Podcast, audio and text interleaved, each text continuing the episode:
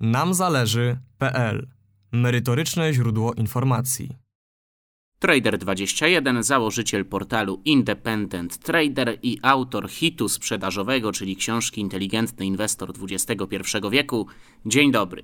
Dzień dobry, cześć Wojtek. No to co, tym razem to, co tygryski lubią najbardziej, czyli inwestowanie. To może już na starcie rozpalimy emocje, zapewnimy sobie kilkadziesiąt tysięcy więcej wyświetleń i weźmiemy się za nieruchomości. Co ty na to? Dobrze. Okej. Okay.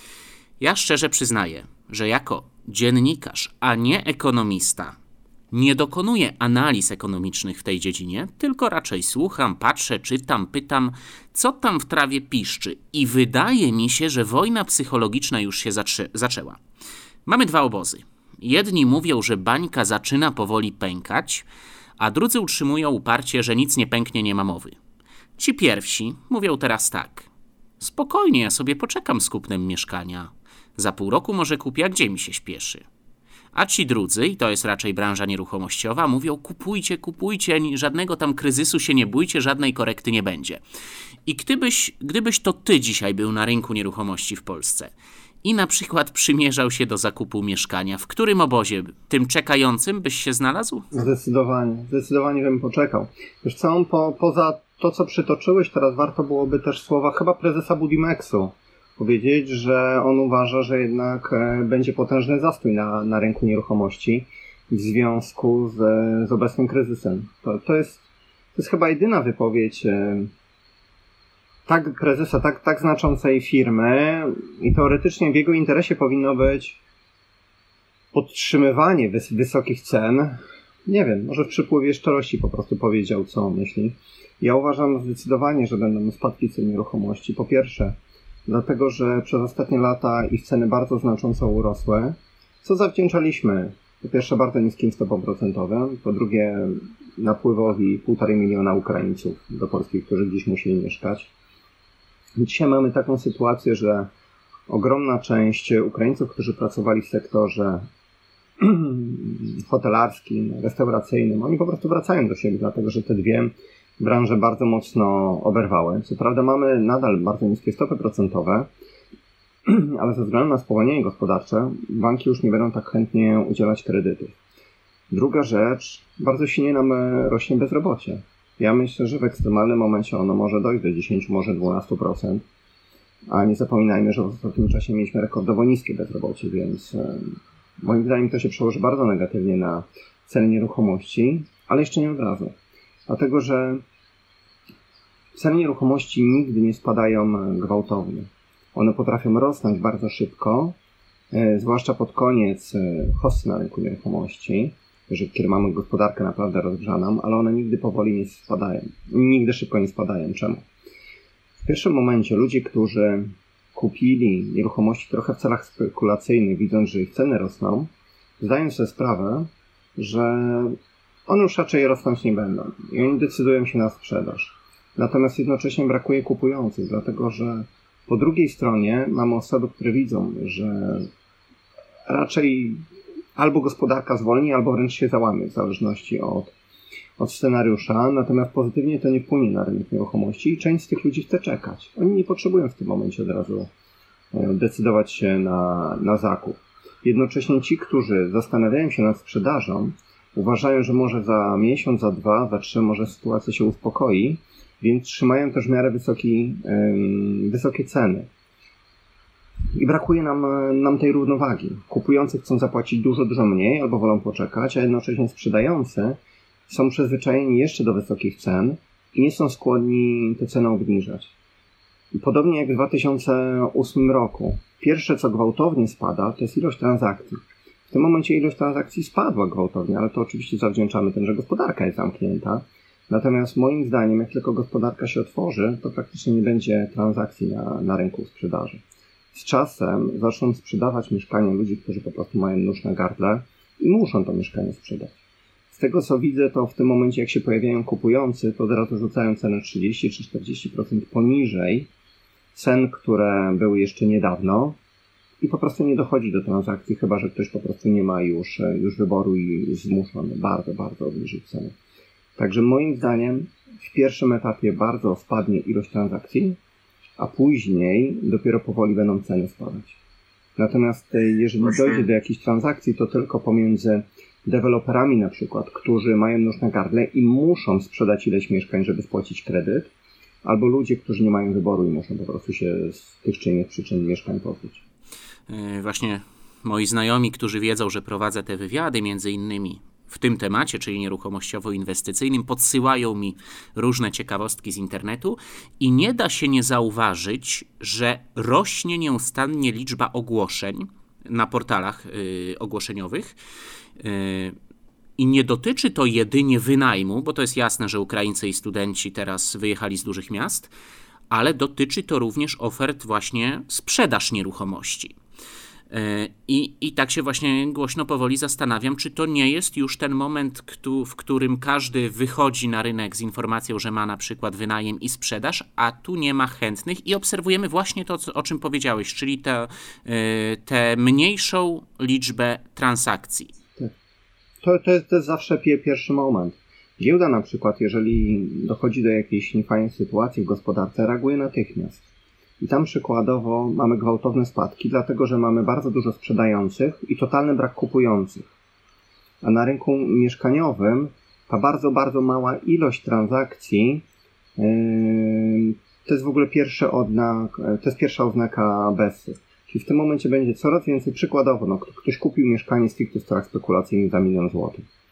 On się nie zgodzi tego mieszkania sprzedać na 800 tysięcy. My jesteśmy tak zaprogramowani, że ludzie będą czekać, czekać, czekać, to mieszkanie może spaść do 700, może 650, jego cena. Nie mówię, że dojdzie do transakcji, e, natomiast w wyniku inflacji ktoś będzie je trzymał, trzymał, trzymał po to, żeby je sprzedać finalnie milion dwadzieścia, żeby się z tym, z tym dobrze poczuć. My mamy generalnie, psychologicznie jesteśmy tak skonstruowani, że bardzo ciężko jest nam sprzedać aktywo, na którym mielibyśmy ponieść straty.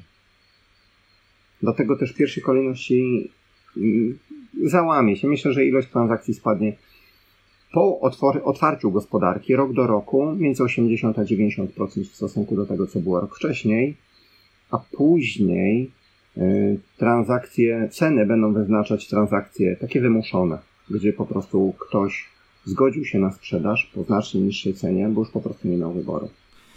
A czy to nie jest trochę tak, że my takim gadaniem i najróżniejszymi innymi jeszcze wywiadami, inni eksperci itd., tak itd., tak przykładamy właśnie rękę do tego, żeby tę bańkę rozwalić, no bo jeżeli zewsząd teraz w internecie płynie taka informacja, jak na przykład z tego wywiadu, czyli spokojnie, bańka pęka, nie kupujcie, no to jeżeli ktoś tego słucha, to mówi okej, okay, gdzie mi się śpieszy, poczekam, niech to pęka. Czyli... Wojtek, my, my mamy dostarczyć rzetelnej, rzetelnej informacji. I to, I to właśnie robimy. Ja pamiętam pierwsze nagrania, czy to u ciebie, czy to z Wapniakiem, jak opisywałem, że kupno mieszkań na, na wynajem, które tam dają powiedzmy realnie po uwzględnieniu wszystkich kosztów 3%, zadłużaniu się na 30 lat, że moim zdaniem to, to, to jest głupota. Po prostu rzadko kiedy obrywałem e, tak mocno w komentarzach. Każdy uważał, że przecież mieszkanie to trzeba kupić e, na kredyt, bo ono się, się samo spłaca, cena nie jest ważna, bo kiedyś to ono tak czy tak wzrośnie w wyniku inflacji. No. Tak, no ale tutaj cały czas wchodzi ten wątek, że ten y, korona kryzys spadł z nieba, ale dobra, nawet niech będzie, że on spadł z nieba, ale, ale dalej... Specyfiką ale, ale każdej banki jest to... Wierzą, banki zawsze pękały osoby... i pękają. Mieliśmy w latach 80. Okay, ale... bańkę na rynku metali szlachetnych i w surowcach. Później mieliśmy kilkukrotnie bańki na przykład na rynkach akcji. W Stanach na rynku technologicznym w 2000 roku, później na rynkach rozwijających się, do których Polska należy w 2007. Mieliśmy bańkę na Bitcoinie. Każda bańka kiedyś pęka. Na rynku nieruchomości mieliśmy, też, też mieliśmy bańkę w 2007 roku, ze względu na to, że kredyty frankowe, które pozornie wydawały się tanie, były tak łatwo dostępne. Dodam dla porządku, że są osoby, które uparcie twierdzą, twierdzą, uparcie wierzą, że spokojnie teraz jest y, ta większa liczba transakcji, no bo musimy siedzieć w domach. Wrzesień, studenci, Ukraińcy, wszystko wraca do normy, lecimy do góry. Po tak silnych kryzysach, może inaczej, tak historycznie patrząc, kiedy bezrobocie tak skokowo rosło w Unii Europejskiej, Stanach Zjednoczonych czy, czy, w, czy w Polsce, gospodarki zazwyczaj potrzebowały 4-5 lat, żeby wrócić do poziomu sprzed kryzysu. Problem jest taki, że jeżeli nagle gwałtownie rośnie bezrobocie, to spada poziom, e, rośnie poziom pesymizmu, czy tam spada poziom optymizmu w gospodarce. Ludzie, którzy stracili pracę, bardzo ograniczają wydatki, mniej konsumują. Firmy, widząc, że spada e, sprzedaż, zwalniają ludzi, mniej produkują. I to jest też takie błędne koło, które się nakręca do, do pewnego czasu. Czyli ma mniej zamówień, zwolni ludzi. Rośnie bezrobocie, mniej ludzie wydają i automatycznie jest e, mniej zamówień. I tak, i tak dalej. I w pewnym momencie e, ta spirala się zatrzymuje. Bankrutują firmy, które były nieefektywne kosztowo, które w głupi sposób e, prowadziły różnego rodzaju inwestycje. Na rynku pojawiają się bardzo innowacyjne firmy, dlatego że każda recesja wymusza wzrosty innowacyjności. I zapewne w pozytywnym tego słowa znaczeniu, tak zwanym efektem ubocznym e, koronawirusa będzie popularyzacja handlu w internecie, co obniża koszty, e, oraz popularyzacja home office. Wiele osób nie wyobraża sobie pracy z domu, ale wyobraź sobie, że zamiast 8 godzin na pracę, może inaczej, że pracujesz 8 godzin, bo nie tracisz czasu na dojazdy, więc realnie praca pochłania ci 8, a nie 9,5 godziny, czy 10, w zależności od tego, ile ludzie dojeżdżają po prostu do, do pracy, ale dzięki temu wiele osób będzie pracowało dużo bardziej wydajnie, bo będą mniej zmęczeni, bo będą mieli kolejne półtorej czy dwie godziny dziennie e, dla siebie czy, czy dla rodziny. Zmierzam do tego, że najlepsze innowacje powstają właśnie w okresach recesji. W pewnym momencie gospodarka się podnosi. Ale to nie jest tak, że po tak gwałtownym wzroście bezrobocia spowodowanego zamknięciem gospodarki E, ta gospodarka się natychmiast podniesie i my wrócimy zaraz do, do tak skrajnie wysokich cen, jakie mieliśmy jeszcze w styczniu czy w lutym tego roku. E, zwolennicy tej tezy, że żadnej tam korekty na rynku nieruchomości nie, nie będzie, mają y, tak, między innymi taki argument, to jeden chyba z ich mocniejszych argumentów, że mamy rekordowo tani kredyt, no bo wiadomo, obniżyli te stopy procentowe. Tak. Do tego, I to, że to rzeczywiście tego, napędza e, ceny nieruchomości. Tak, a jeszcze, jeszcze do tego deweloperzy ograniczą trochę podaż, no bo wiedzą, że po co mają aż tyle budować, po to właśnie, żeby utrzymać te ceny i nie doprowadzić do korekty, w ten sposób to wybronią. Jest na to szansa? Pierwsza rzecz, e, niskie stopy procentowe rzeczywiście ułatwiają zaciągnięcie taniego kredytu. To jest racja, niewątpliwie. Natomiast z drugiej strony, w interesie każdego dewelopera jest maksymalizacja zysku.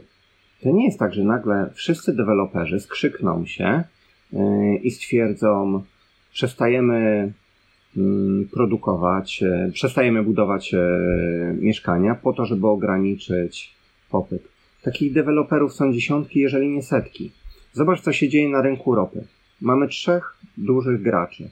Mamy Rosję, mamy Arabię Saudyjską yy, i mamy Stany Zjednoczone. Tylko trzech. Nie kilkudziesięciu, nie setki.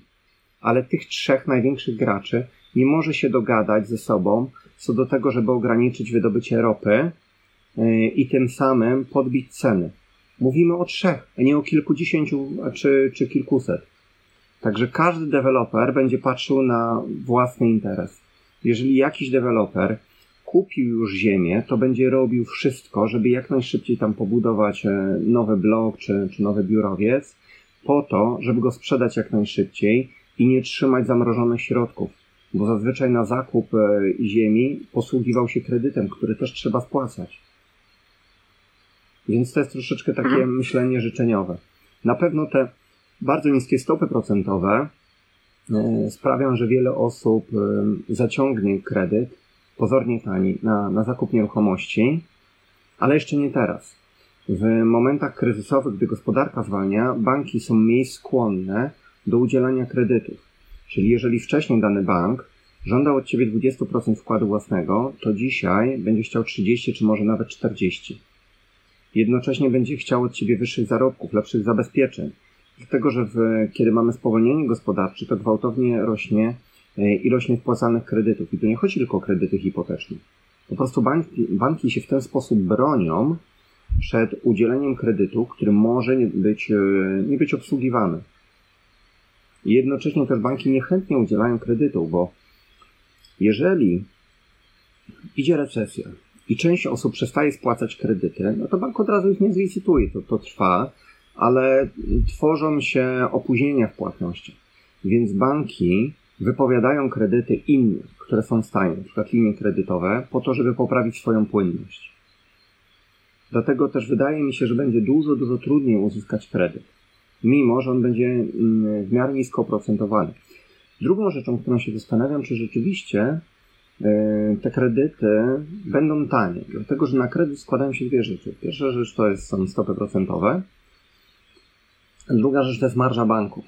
Więc jeżeli mamy trudne czasy i banki nie chcą udzielać kredytu, to spada konkurencja. Więc te banki, które chcą udzielić kredytu, czy godzą się na to, widząc, że kredytobiorcy ciężko jest uzyskać kredyt, nie zażyczą sobie powiedzmy 2% marży, a 3, może 4.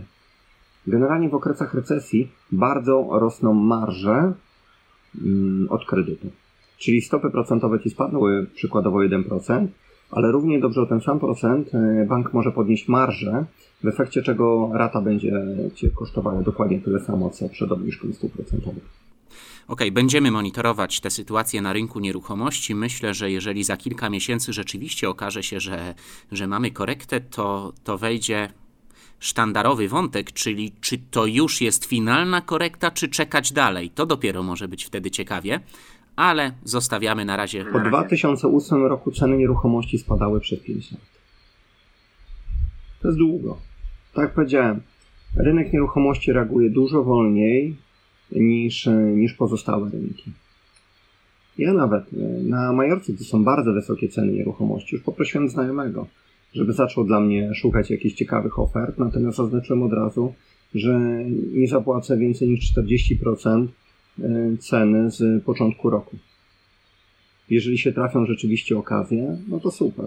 Okej, okay, ale, to, ale, ale przyznasz, że Majorka no to, to jest wybitnie turystyczne miejsce, a więc to nietypowy przypadek. Tak, nietypowy przypadek. tak i bardzo mocno oberwie. Poza tym tutaj były wyjątkowo napompowane ceny nieruchomości. Więc 60% okay. spadek to jest realnie coś, co mnie dopiero zaczyna interesować. A jednocześnie po 2008 roku o 50% tutaj tąpnęły nieruchomości, więc jeżeli teraz mamy totalny brak e, kupujących, to moim zdaniem e, jestem w stanie coś znaleźć. Zresztą niedawno, w zeszłym tygodniu rozmawiałem z kimś odnośnie sytuacji. Któryś z Polaków tutaj miał kupić duży hotel za 20 milionów euro. Problem był taki, że deweloper sprzedał e, część tego hotelu, chyba jeden apartament. No i kupujący stwierdził, a kupuje wszystko albo nic. No i deweloper odkupił ten apartament, natomiast nie zabezpieczył się żadną umową. W tym momencie e, kupujący zaoferował 9 milionów za coś, co, co pierwotnie miało kosztować 20. To pokazuje, w jakiej sytuacji są dzisiaj sprzedający i w jakiej są kupujący. Tylko tutaj rozmawiamy o dużym projekcie, który jest dużo mniej płynny niż powiedzmy poszczególne mieszkania. Okej, okay, no to ten przykład, który przytoczyłeś, pokazuje, że no, rynek to brutalny. Jest drastyczny, ale mówimy raptem o okresie trzech miesięcy. Tak, nie ma, nie ma sentymentów na rynku, gdy w grę wchodzą nie. pieniądze. E, zostawmy może te nieruchomości, bo, bo jest jeszcze kilka innych wątków. Mm, widzowie pytają, czy, czy rynek, głównie akcji, jest już tani, czy prawdziwe spadki dopiero przed nami. Jak uważasz? Wojtek, zależnie który. Rynek amerykański był drogi i nadal jest drogi. Wiele rynków e, europejskich było neutralnie wycenionych, dzisiaj jest tani. Ja na przykład e, dzisiaj sobie rozpisałem kilka rynków, które chcę dołożyć do portfela. Jest to Singapur, który ostatni raz miałem bodajże w 2017 roku. Ostatnio dosyć mocno tą, tą i tą chcę kupić i cały rynek nieruchomości, cały rynek e, singapurski poprzez ETF jak i poszczególne rejty. Ostatnio zobaczyłem, że rynek austriacki bardzo tąpnął. Jest wyceniony cena do zysku na poziomie 8. To jest, to jest bardzo niski poziom. A jednocześnie Austria jest bardzo dobrze zarządzana, odkąd e, Sebastian Kurz e, przejął tam władzę. I tutaj masz na przykład e, przykład genialnego polityka. Mimo, mimo młodego wieku w bardzo sensowny sposób zarządza tym krajem.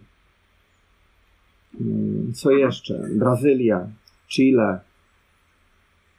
No. Czyli są rynki, które już są tanie, które wcześniej były tanie, ze względu na przykład na duży udział surowców, jak w przypadku Brazylii i Chile. Natomiast są rynki takie, które są, jak na przykład Stany Zjednoczone. Ja bym chciał mieć ekspozycję na USA, ze względu na to, że to jest największa gospodarka, która jest na tle Japonii czy Europy bardzo dobrze zarządzana, odkąd e, Trump przejął władzę. W każdym razie nie mówię, że jest idealnie, mówię porównawczo na, na tle tego, co się dzieje przykładowo w Europie. Ale ja nie jestem w stanie tam znaleźć żadnych sensownych sektorów. Szukałem spółek typu value, małych, dużych, czyli tych nastawionych na produkcję realnych dóbr, ale ich wyceny są na tyle wysokie, że, że to nie jest dla mnie coś, co, co chętnie bym kupił. Nawet na ostatnim webinarze porównywałem rejty, czyli fundusze inwestujące w nieruchomości komercyjnych i ETF na rejty ze Stanów Zjednoczonych jest dwukrotnie droższy względem wszystkich w zasadzie wskaźników niż ETF na rejty e, globalne z pominięciem Stanów Zjednoczonych. Czyli USA wypłaca 4% dywidendy, e, ten sam ETF, ale ex-USA wypłaca ponad 8. Cena do wartości księgowej w zasadzie dwukrotnie wyższa po, po stronie Stanów Zjednoczonych. Także tam było drogo, było bardzo drogo, a teraz jest po prostu drogo. Natomiast nawet czy kupując takie, kupując te przykładowe ETF-y, o których Ci wymieniłem, abstrahując od tego, co, co miałem wcześniej w portfelu, tu zawsze trzeba mieć z tyłu głowy to, że to realne załamanie w gospodarce może być dużo, dużo silniejsze niż ten efekt pompowania wycen spowodowany niskimi stopami procentowymi i tym masowym dodrukiem. Yy, I trzeba ciągle mieć e, w głowie to, że te wyceny mogą się jeszcze obniżyć. Ale jeżeli kupuję przykładowo coś, co mi generuje 6, 7, 8% dywidendy, czasami 10, w otoczeniu zerowych stóp procentowych, to to jest w miarę sensowny margines bezpieczeństwa. Bo nie możemy zapominać, że teraz zmienia się sposób inwestowania. Mianowicie największym globalnym rynkiem do tej pory przez ostatnie 30 lat to był rynek długu, czyli rynek obligacji rządowych, mały rynek obligacji korporacyjnych. On był wart ponad 200 bilionów dolarów. Całkowity rynek akcyjny jest wart około 100. To jest 50% ekwiwalentu obligacji. I teraz zobacz, jeżeli jesteś gigantycznym inwestorem, masz w swoim zarządzaniu kilkadziesiąt miliardów dolarów, jak na przykład duże fundusze, Masz do wyboru inwestycje. Obligacje japońskie, które ci nic nie płacą, które się dewaluują, to jest tylko waluta. Masz, e, masz do wyboru obligacje europejskie, gdzie niemieckie, holenderskie mają negatywną rentowność, szwajcarskie mają negatywną rentowność, obligacje eurobankrutów, Hiszpania, Włochy mają, nie wiem, 1% odsetek. Polskie dziesięcioletnie obligacje skarbowe płacą 1,5%. Amerykańskie podobnie. Czyli masz bardzo małe odsetki. A z drugiej strony możesz kupić dosyć drogie akcje, na przykład amerykańskie, które płacą ci w niektórych przypadkach 2,5-3% e, dywidendy, czyli masz dywidendy dużo większą od odsetek z obligacji, ale jednocześnie akcje w długim terminie przeniosą też wartość e, inflacyjną, czyli ich cena wzrośnie chociażby w wyniku inflacji w długim terminie, bo w średnim moim zdaniem ceny amerykańskich albo będą stać w miejscu, albo będą spadać. Więc to jest dużo, dużo lepsze rozwiązanie niż, niż siedzenie na rynku długu.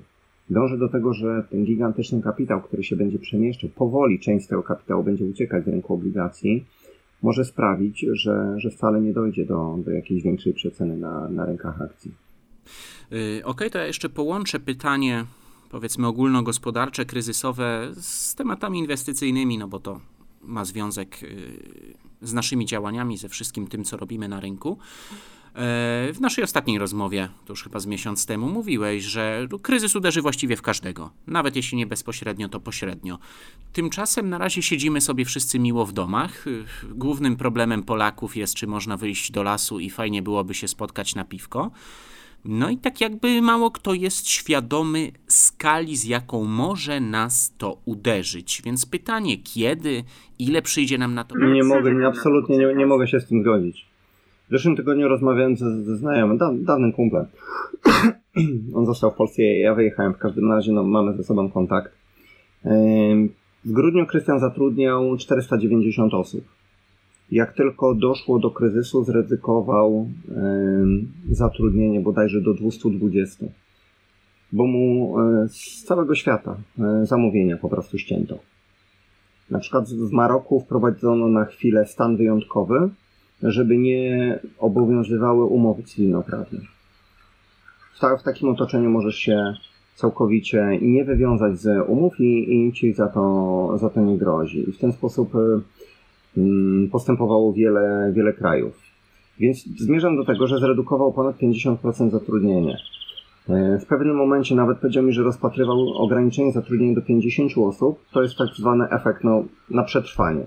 Czyli prawie z 500 na 50. Na szczęście dostał dosyć duże e, zamówienie rządowe, co podtrzymało zapotrzebowanie na pracę dla tych 200 paru osób. Ale pokazuje ci, e, co robią duzi przedsiębiorcy, żeby po prostu przetrwać. Albo oni zwolnią w efekcie drastycznego ograniczenia zamówień część kadry, albo zbankrutują i tak czy tak się nie dostaną swoich pieniędzy. Porównaj, co się dzieje w Stanach Zjednoczonych, jeżeli chodzi o poziom bezrobocia, w Europie. W Stanach z każdym tygodniem gwałtownie rośnie liczba osób, które zgłaszają się po raz pierwszy po zasiłek bezrobotny. Czemu to się dzieje w Stanach, a nie w Europie? Dlatego, że w Stanach masz dużo bardziej. Elastyczny rynek. Dokładnie. Mamy dużo bardziej liberalny kodeks pracy. Możesz kogoś szybko zwolnić, dzięki czemu twoja firma przetrwa 2, 3, 4 najgorsze miesiące i później zatrudnisz ich z powrotem w Europie, gdzie mamy dużo bardziej skostniały ten rynek pracy, musisz tych ludzi trzymać, mimo że w wielu przypadkach nie masz dla nich pracy. I to może doprowadzić w późniejszym etapie do upadku dużo większej ilości przedsiębiorstw niż e, faktycznie się stanie to w Stanach Zjednoczonych. Mhm. Także ja, ja nie byłbym no tak, tak optymistycznie nastawiony co do tego, że na razie wszyscy siedzą w domach, jest tak, tak cudownie. Nie mówię, że cudownie, ale no, widzę, co się niesie na przykład. Nie odczuwamy jeszcze tego. Widzę, co się dzieje w mediach społecznościowych, co się niesie. Niekoniecznie, no, że tam firma pada, ktoś tam dwa, dwa lajki da, udostępni, mówi nieciekawa sytuacja, ale jak ktoś nie ubierze maseczki na spacer, o matko, zdjęcia, burzliwa dyskusja i tak dalej, jeszcze jakby się nie czuje, że to, że to gospodarką powinniśmy się martwić w pierwszej kolejności. No mamy, mamy cudowny temat zastępczy. Tak, ale to, to, to, to zostawmy, może nie, nie mieszajmy jeszcze w to, w to tematu maseczek i tak dalej, i tak dalej. Yy, gdybyś mógł... Strach się dobrze sprzedaje. Dlatego, dlatego media tak, no ciągle, ciągle to promują. Ostatnio zobaczyłem na, nagłówek. Najmłodsza ofiara koronawirusa. Wiesz co, dałbym sobie ręce uciąć, że były jakieś e, mm, choroby współistniejące. Zerknąłem na ten artykuł. Chłopak miał rzeczywiście 18 lat. No, jest to tragedia ale on chorował na dziecięce porażenie, plus jeszcze miał padaczkę. A natomiast w mediach no tak, sieje się panika. Wiesz, tylko, tylko też pytanie, mm, co się stanie, kiedy rzeczywiście już y, tak względnie zostanie opanowana ta sytuacja epidemiologiczna i, i, zejdzie to nawet w oczach ludzi na drugi plan, już przestaną tak to udostępniać, dyskutować, a, a, a wejdzie na pierwszy plan sytuacja gospodarcza, bo tam skoczy bezrobocie i tak dalej, i tak dalej. I co takiego będzie się tam niosło, o czym ludzie będą y, dyskutować? Czy czasami nie o tym, że teraz zasiłki proszę mi wypłacić, że teraz rząd ma mi dać, że teraz chce pomocy, bo y, zawiodła władza. To co właśnie... Zawiodła władza polityczna, a Przepraszam, przepraszam, że, że ci przerwałem. I mówię, czy jakby kiedy rzeczywiście nadejdzie ten czas na refleksję gospodarczo-ekonomiczną, inwestycyjną, to ludzie zamiast pójść w rozsądne debaty, nie, nie wleci to wszystko w jakiś taki worek, takiej szambo trochę dyskusji o tym, że teraz to rząd powinien najlepiej nam rozdawać pieniądze za darmo. No, rząd może rozdawać pieniądze e, za darmo, może, może je dosłownie dodrukować. Jeszcze do niedawna zabrała niała tego konstytucja. Czyli mówiąc prosto, nie możemy finansować dziury budżetowej do drukiem z NBP-u. Natomiast no, rządzący mają, mają gdzieś konstytucję. Najprawdopodobniej, żeby jej bezpośrednio nie łamać, wprowadzi się bufor. Czyli NBP wykreuje walutę, skupi za to obligacje rządowe od Banku Gospodarstwa Krajowego, który jest buforem. Yy, I te pieniądze przez yy, BGK trafią do, do budżetu. Czyli tak naprawdę rząd rozda ludziom pieniądze, którym zabezpieczeniem były nowo wykreowane obligacje, które skupił NBP. Czyli robimy dosłownie to, to samo, co, co pozostałe największe banki centralne świata, co jest dzisiaj standardem, a co jeszcze przed dekadą robiły tylko i wyłącznie kraje trzeciego świata z Afryki. Dlatego, że zawsze do dróg kończy się wysoką inflacją. W pierwszym momencie tej inflacji nie widać, dlatego że y, zmiana cen jest pochodną dwóch rzeczy: ilości waluty w obiegu oraz tempa, w jakim ludzie tę walutę wydają. Więc jeżeli mamy gwałtownie rosnące bezrobocie, wzrost pesymizmu, bo do niego dojdzie. Jest, jestem tego w 100% pewny. Ludzie w pewnym momencie odczują, jak, jak gospodarka oberwała. No nie może zamknąć gospodarki i uważać, że będzie wszystko ok. Yy, zmierzam do tego, że zwiększy się ilość waluty w obiegu, ale spadnie tempo cyrkulacji waluty.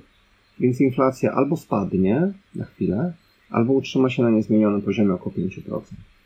W drugim etapie, jak gospodarka zacznie się ponownie powoli rozwijać, to ludzie poczują, że jest trochę lepiej i zaczną znowu szybciej wydawać waluty. I wzrośnie tempo mm, cyrkulacji waluty przy już podniesionym znacznie e, ilości tej waluty w obiegu. I w tym momencie nasz naprawdę konkretnie uderzy inflacja.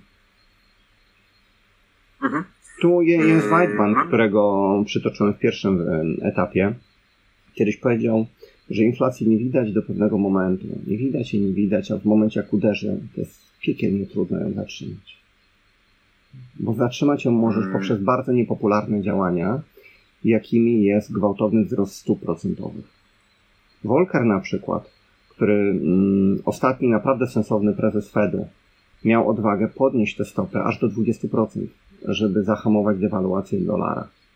Przez chwilę w wyniku wysokich stóp procentowych mieliśmy mm, gwałtowną zapaść gospodarczą, natomiast gospodarka się oczyściła i zaczęła się w normalny sposób rozwijać.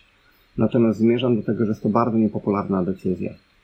Więc najprawdopodobniej te niskie stopy procentowe, mimo wzrostu inflacji, przez długie lata z nami pozostaną. Yy, okej, okay, tutaj mówię tematy inwestycyjne. O wiele rzeczy mógłbym zapytać, no ale dzieją się rzeczy co najmniej dziwne, no bo na przykład złoto, srebro nie ma, kontrakty terminowe na ropę Wszyscy wiemy, co się, e, co się niedawno wydarzyło. I, I więc właśnie może ten wątek na sam koniec pociągnę. Jakbyś mógł osobie niekoniecznie wgłębionej e, w tematy inwestycyjne wyjaśnić, co takiego się wydarzyło z tą ujemną ceną kontraktów terminowych e, na ropę. Jak to rozumieć i czy to czasami nie jest taki sygnał, że inwestowanie w kryzysie, nawet w cokolwiek, to jest, no, to nie jest zabawa dla amatorów. Trzeba teraz szczególnie uważać. Dobra. Cena, poprzez cenę ropy rozumiemy kilka, kilka rzeczy. Większość handlu ropą odbywa się przez tak zwane kontrakty terminowe.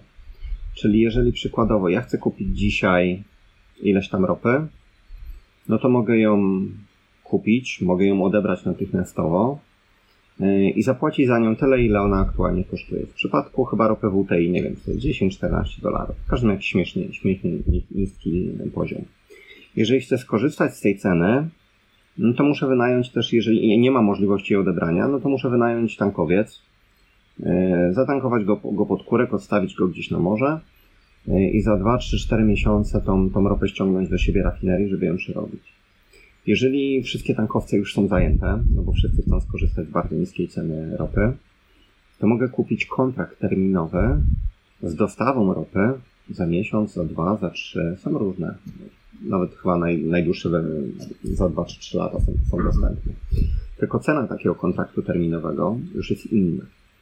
Tu jest, tu jest prosta, prosta zasada. Jeżeli ja odbieram ropę, a ty jesteś powiedzmy producentem, no to ja przychodzę do ciebie i mówię, słuchaj, cena ropy jest 10 dolarów, e, biorę tankowiec po, po 10 dolarów. Przychodzę dzień później i mówię, słuchaj, ja chcę skorzystać z tej niskiej ceny, e, chcę kupić ropę, ale nie mam gdzie już e, jak jej odebrać, więc ja ją odbiorę za miesiąc. No to mnie wyśmiejesz, powiesz mi, że słuchaj, zapomnij o takiej cenie. Cena za miesiąc to będzie 26 dolarów. I to jest właśnie ta cena kontraktów terminowych wygasająca za miesiąc. Cena powiedzmy za rok to będzie 35 dolarów. No bo jest jakiś konsensus na rynku. Ty jako sprzedający, ja jako kupujący wiem, że tak niska cena ropy się nie utrzyma przez dłuższy czas. Yy, I jakieś nasze umowy wzajemne determinują to, po ile, jak są wyceniane kontrakty wygasające za miesiąc, za, za pół roku czy, czy za ropę. I to, z czym ostatnio mieliśmy do czynienia, to był gwałtowny spadek cen ropy. Ona się obsunęła tam powiedzmy z 20 w okolicy 7-8 i nagle w nocy jej cena spadła, uwaga, do minus 38 dolarów. Wyglądało to tak, jakby rafinerie musiały płacić za oddanie ropy, bo, bo nie mogły zatrzymać produkcji. Jest oczywiście duży problem z zatrzymaniem produkcji, natomiast ten spadek do wartości ujemnych i to tak dużych nikt nie zwrócił uwagi na jedną rzecz. To się stało po tym, jak rynek amerykański był zamknięty. Kiedyś Ci wspominałem o zbijaniu cen, cen metali szlachetnych. Powiem Ci, w jaki sposób się to, to odbywało. Jak zamknął się rynek w Stanach Zjednoczonych, czyli mieliśmy późny popołudnie, wczesny wieczór, Europa spała, Azja się jeszcze nie otworzyła, to był bardzo mały wolumen e, transakcji. Czyli mało kto w tym momencie handlował e, kontraktami na złoto czy srebro. Więc mhm. jeżeli e, normalny wolumen obrotu, przykładowo to jest miliard, no to w tamtym przez 24 godziny, no to w tamtej strefie czasowej, gdybyśmy to rozciągnęli na całą godzinę, to będzie powiedzmy 100 milionów albo jeszcze mniej. Więc jeżeli ja chcę zmanipulować ceną, no to rzucę ileś tam kontraktów sprzedaży po to, żeby zbić tą cenę do jakichś poziomów. E, I ten spadek do minus 40 właśnie nastąpił w takiej strefie czasowej. Więc mam podejrzenia takie, że była to po prostu manipulacja kartelu na wybicie osób, które miały tak zwane longi. Czyli jeżeli ty grałeś na wzrost cen ropy, to miałeś kupione tak zwane kontrakty terminowe, które zyskiwały, kiedy to cena ropy wzrośnie. Jeżeli byłbym po drugiej stronie transakcji yy, i chciał zarobić, to bym obstawił pozycję short, czyli zarabiałbym, kiedy cena ropy będzie spadać. I w pewnym momencie, kiedy zamyka się rynek, zacząłbym dokładać kolejnych kontraktów. Czyli rzucałbym na rynek kontrakty short, które zyskują, kiedy cena spada, po coraz to mniejszych poziomach. Jako duża instytucja finansowa mam wgląd w tak zwane stop lossy, Czyli jeżeli ty grasz na wzrost ceny ropy, kupujesz powiedzmy taki kontrakt po 15 dolarów, e, ale on jest mocno za, zalewarowany, więc powiedzmy, jeżeli cena spadnie do 12 dolarów, to on ci się automatycznie zamyka. Inni powiedzmy zamkną taki kontrakt przy 10, inni przy 8 i tak dalej. Ja znam, gdzie, wiem, gdzie są ustawione takie poziomy. Więc z moją drugą zaprzyjaźnioną instytucją finansową handlujemy sobie tymi kontraktami w momencie, kiedy nie ma w ogóle płynności. I przypuśćmy, że cena, cenę zbijemy na chwilę poniżej 12. I na tych 12 aktywują się Twoje zlecenia sprzedaży, tak zwane stop lossy. Czyli tym samym wywołam lawinę sprzedających. Chwilę później wywołam kolejną lawinę sprzedających na 10, później może na 8. I w pewnym momencie gwałtownie spada ilość kontraktów, które, które jeszcze istnieją. I jeżeli przegnę w jakiś sposób, nie wiem w jaki sposób ta cena spadła rzeczywiście do minus 38, moja głowa tego nie ogarnia, e, no to najprawdopodobniej dochodzi do automatycznego zamykania kontraktu, bo nie chce mi się wierzyć, żeby rafinerie rzeczywiście przez te kilka godzin w środku nocy panikowały do takiego stopnia, żeby ich traderzy godzili się płacić 40 dolarów do każdej baryłki, którą sprzedają, byleby tylko ktoś, te, byleby ktoś to tylko odebrał. Także jest to paradoks. W każdym razie to pokazuje, że nie tylko trzeba kupować tanie aktywa, ale trzeba wiedzieć w jaki sposób je kupować. Dlatego, że na przykład cena ropy walnęła do minus 40, cena ropy WTI jest w ogóle teraz na historycznych minimach, jeżeli uwzględnimy inflację. E, a mimo wszystko ceny spółek takich jak ExxonMobil, Chevron, Total, ETF-ów na cały sektor wydobywczy, one wcale nie tąpnęły wtedy. One już są bardzo tanie i one praktycznie nie zareagowały na, na taki na pierwszy w historii zjazd cen ropy do wartości ujemnych. Natomiast dla osób, które inwestowały poprzez kontrakty terminowe, ten dzień oznaczał pogrom prawdziwy. W większości zostały konta brokerskie wyzerowane. Chyba, że ktoś miał konto profesjonalne, no to wtedy skończył z gigantycznym saldem ujemnym. Okej, okay. niewątpliwie bardzo pouczający przykład, szczególnie teraz, kiedy to inwestowanie staje się takie modne i, i, i to jest taki sygnał. Nie jest to wszystko takie proste. Yy, jeszcze na koniec krótkie pytanie. Co z Independent Gold? Wojtek, nie mam czasu tego dokończyć. Tak dużo się dzieje teraz w okolicy e, ze względu na, na koronawirusa, że no, nie mam dosłownie czasu na dwie godziny usiąść do, do testów. Tak, woli wyjaśnienia, Independent Gold to, to jest portal, który umożliwi transakcje pomiędzy osobami fizycznymi na, na rynku złota, srebra. Czyli te osoby, które chcą albo kupić taniej niż u dealerów, albo chcą sprzedać, uzyskując środki większe niż e, u, u dealerów. No brakuje mi czasu, a w pewnym momencie czas prywatny dla siebie jest dużo ważniejszy niż pieniądze. Dlatego też e, od, odwlekam tyle czasu e, uruchomienie tego. Okej, okay, pytał jeden z naszych widzów. To jeszcze na koniec takie pytanie. Myślę, że ważne właśnie dla tych osób, które zrozumiały, że inwestowanie, szczególnie teraz, to nie jest prosta rzecz. Być może trochę nawet się wycofały i, i zastanawiają się nie tyle, jak tutaj pomnażać pieniądze, co jak przetrwać. Adrian, nasz patron, pyta: co może zrobić z oszczędnościami Kowalski, nie będący traderem, żeby nie straciły zbyt dużo siły nabywczej w najbliższych miesiącach? Wojtek, ja mimo mojej ksywki, ja nie jestem traderem. Się wziął z tam, nie wiem, iluś, iluś lat, w każdym razie tak, tak, tak zostało. Jestem bardziej długoterminowym inwestorem. Edukacja, edukacja, jeszcze raz edukacja. Ja teoretycznie mógłbym Ci powiedzieć, że ze względu na to, żeby przetrwać okresy negatywnych stóp procentowych, to powinieneś sporą część majątku ulokować w metalach szlachetnych, dlatego że to jest aktywo, e, złoto, srebro, które sobie super radzi właśnie w otoczeniu negatywnych, rzeczywistych stóp procentowych. W ostatniej panice ceny złota fizycznego, nie kontraktów, sięgnęły prawie 10 tysięcy złotych. Myślę, że ustabilizują się gdzieś w okolicy 8 przez, e, przez jakiś czas, ale w 2013 uncja kosztowała 3600 zł i nikt jej nie chciał kupować. Warto też wiedzieć, że w otoczeniu rosnącej inflacji bardzo dobrze surowce sobie dają radę, a mamy dzisiaj bardzo tanie surowce. Tylko też, tak jak rozmawialiśmy o ropie, trzeba wiedzieć, w jaki sposób je inwestować. Akcje w długim terminie dosyć dobrze sobie dają radę z przeniesieniem wartości inflacji. Plus jeszcze, jeżeli kupisz najtańsze rynki akcji, to ci wypłacą przyzwoitą dywidendę. Rejty w, w odniesieniu do wyższej inflacji radzą sobie źle. Dlatego, że Historycznie patrząc, za każdym razem banki centralne podnosiły stopy procentowe wraz ze wzrostem inflacji. Natomiast wszystko wskazuje na to, że teraz już nie będą podnosić. Inflacja nam będzie rosła, mimo wszystko banki centralne e, utrzymają bardzo niską rentowność obligacji rządowych, skupując po prostu je na potęgę i e, utrzymają bardzo niskie stopy procentowe, więc będziemy mieli i długoterminowe, i krótkoterminowe bardzo niskie stopy procentowe. I w takim otoczeniu rejty mogą dać sobie bardzo dobrze radę, dlatego że jeżeli chociażby część kapitału przeniesie się z rynku e, obligacji, który jak powiedziałem jest wart około 200 bilionów dolarów, na rynek rejtów, który jest wart tylko 2 biliony, no to tu możemy doznać e, naprawdę konkretnych wzrostów, no bo znowu porównujemy. Rejty w Stanach Zjednoczonych płacą 4% kontra obligacje Stanów, Japonii, Europy, Szwajcarii prawie nic nie płacą albo wręcz mają negatywną rentowność, a tu masz 4%. Druga rzecz, obligacje się dewaluują, tak jak się dewaluje sama, sama waluta w wyniku inflacji.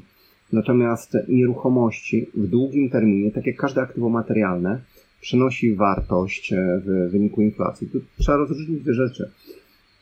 Że w różnych scenariuszach różne aktywa sobie, sobie lepiej radzą. W Stanach Zjednoczonych absolutnie nie kupiłbym nieruchomości ale jeżeli mamy, mamy rejty spoza Stanów Zjednoczonych, które wypłacają 8 czy 9% dywidendy, y, to, to, to jest ok. Tyle, że najgłupszą rzeczą, jakby słuchacze mogli zrobić, to jest kupić to tylko dlatego, że ja to kupuję. Czemu? Dlatego, że ja na przykład znam dokładnie konstrukcję rejtu, wiem w jaki sposób um, kształtują się ich ceny, ale też wiem, że ze względu na spowolnienie gospodarcze najprawdopodobniej dywidenda, która była wypłacana do tej pory na poziomie, nie wiem, przypuśćmy 100 milionów, zostanie zredukowana pewnie do 40 milionów, no bo jeżeli jesteś właścicielem galerii handlowej, czy sieci hoteli, czy apartamentowców i przychodzą do ciebie e, najemcy i mówią, słuchaj, nie miałem klientów od dwóch miesięcy, musisz mi zredukować czynsz znacząco, bo inaczej nie przetrwam. Albo nie przyjeżdżają ludzie do hoteli, to ci automatycznie spadają przychody, a skoro spadają ci przychody, to spadają ci dochody, więc automatycznie wypłacisz dużo mniejszą dywidendę.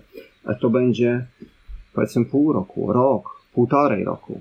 A z okazji takich cen, jakie mamy teraz, to są zazwyczaj okazje. Okazje sprawiają się raz na 4, na 7 lat, w zależności od, od cyklu. Więc no, edukacja, edukacja, jeszcze raz edukacja. Ja nigdy nie kupuję aktywów, które, yy, na których się nie znam. I myślę, że to jest dobre podsumowanie. Jeżeli się na czymś nie znasz, nie kupuj. A już na pewno nie kupuj aktywa dlatego, że nie wiem, obejrzałeś coś w jakimś tam nagraniu. Okej, okay. na pewno rada cenna z tym, że no tutaj muszę zauważyć, wiesz, ktoś pyta, co to teraz się dzieje, bo rynek się wali, co robić, nie mając, nie będąc traderem i tak dalej. Mówisz edukacja, edukacja, no, no, no ciężko się wyedukować w miesiąc. Wojtek, 98% traderów traci kasę. Bardzo ciężko jest zarabiać na, na spekulacji, czyli na analizowaniu wykresów, na lewarze. Są jednostki. Nie wiem, McWallen na przykład pokazywał, jak zarobił milion dolarów na, na kawie.